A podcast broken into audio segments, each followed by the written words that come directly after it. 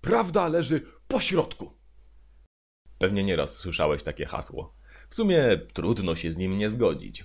Ale czy możemy sprawdzić, czy ono w ogóle, no, coś znaczy? I czy można z nim się nie zgodzić? A możemy, używając filozofii. Zobaczmy najpierw, skąd takie myślenie w ogóle się wzięło. A wzięło się, jak masa rzeczy z naszej kultury, ze starożytnej Grecji. Acz tam nie chodziło o prawdę, tylko o bycie dobrym, czyli o etykę, a dokładniej o etykę złotego środka opisaną przez Arystotelesa. Normalnie uznajemy dobro za przeciwieństwo zła. Aby to zobrazować, narysujmy sobie taki etyczny termometr. Niech zło będzie na dole, a dobro na górze.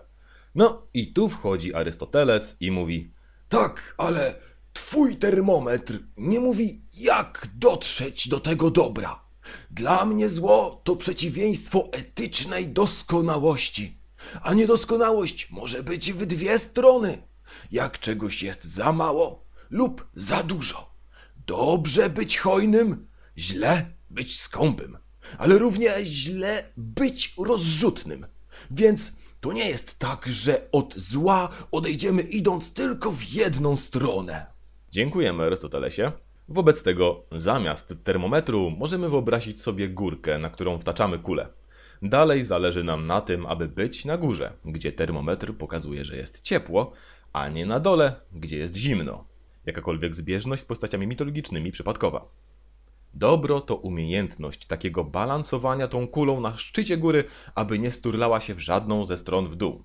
I gdy na przykład rozpatrujemy odwagę, która jest dobra, to ta kula może nam się sturlać w lewo i wtedy będziemy tchórzliwi, a to źle, albo w prawo i wtedy będziemy zuchwali, a to też źle.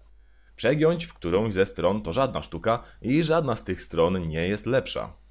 To właśnie arystotelesowska teoria złotego środka. Ha, on nawet nie mówił o górze. Pff, cienias.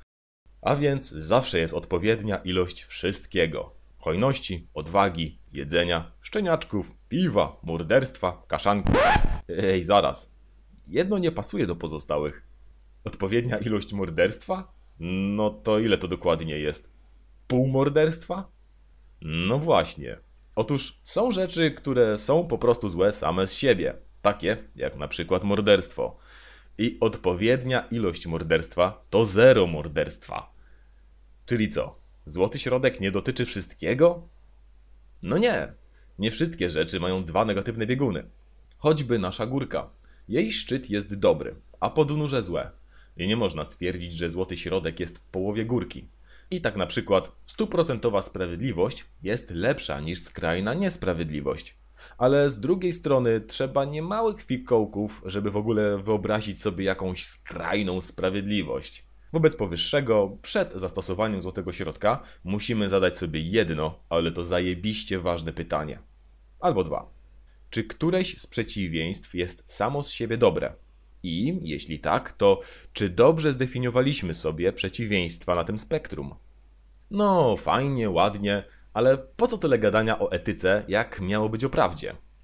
Słusznie pytasz. Otóż Arystoteles rozróżniał między praksis, czyli sposobów życia, a teoria, czyli właśnie poznawania prawdy. Do praksis zaliczałaby się zdrowa dieta czy chodzenie na siłownię.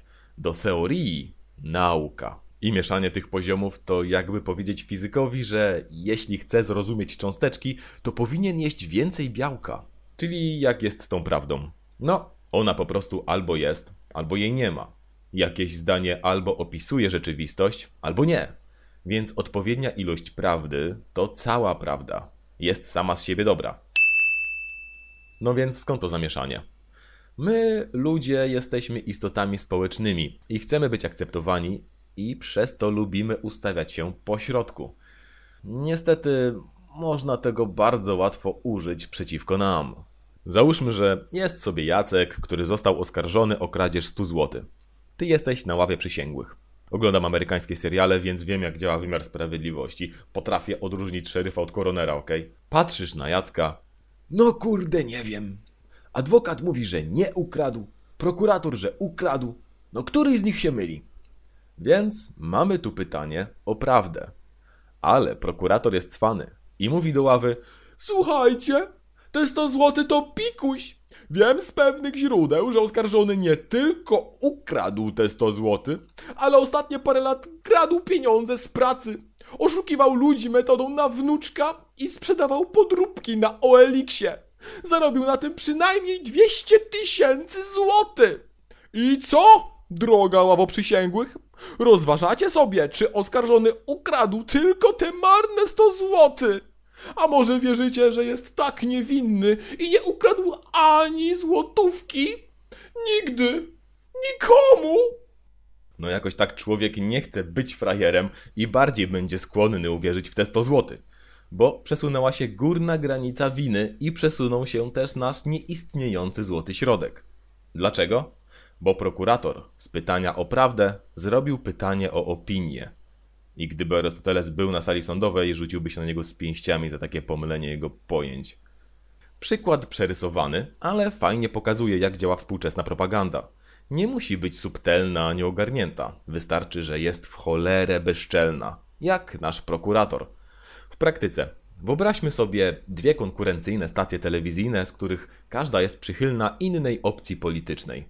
Nazwijmy je TVA i TVB. TVA podaje informacje nieco wybiórczo na korzyść partii A.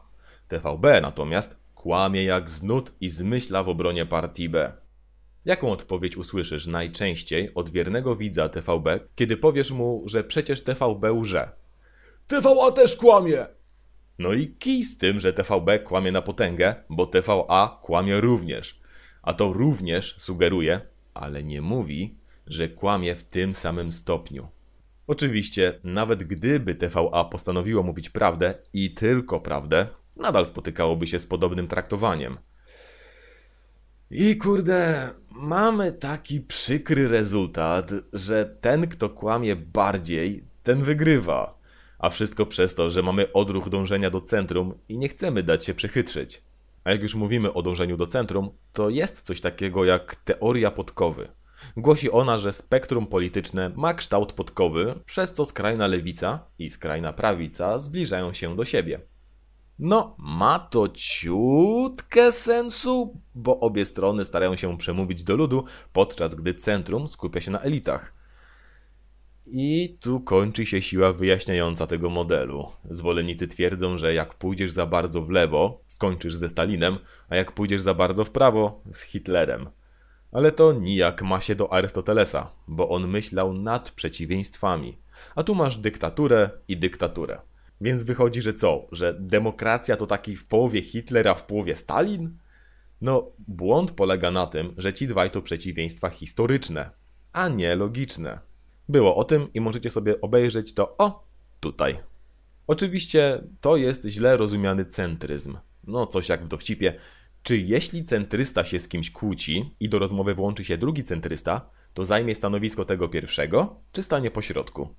Dobrze rozumiany centryzm to po prostu ustawianie się pomiędzy dwoma aktualnie funkcjonującymi biegunami polityki, gdzie znajduje się większość.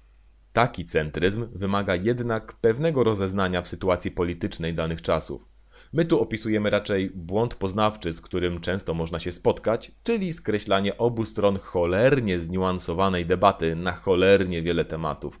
Bo panie, obie są głupie! Jedyna podkówka to mina, którą robi Arystoteles, kiedy słucha tych bzdur. Podsumowując, może lepiej powiedzieć, prawda leży tam, gdzie leży. Czyli rzadko po środku i nie zawsze pomiędzy.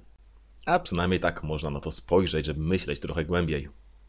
A jeśli cenisz sobie dążenie do prawdy, wykonaj praksis. Daj łapkę w górę i zasubskrybuj.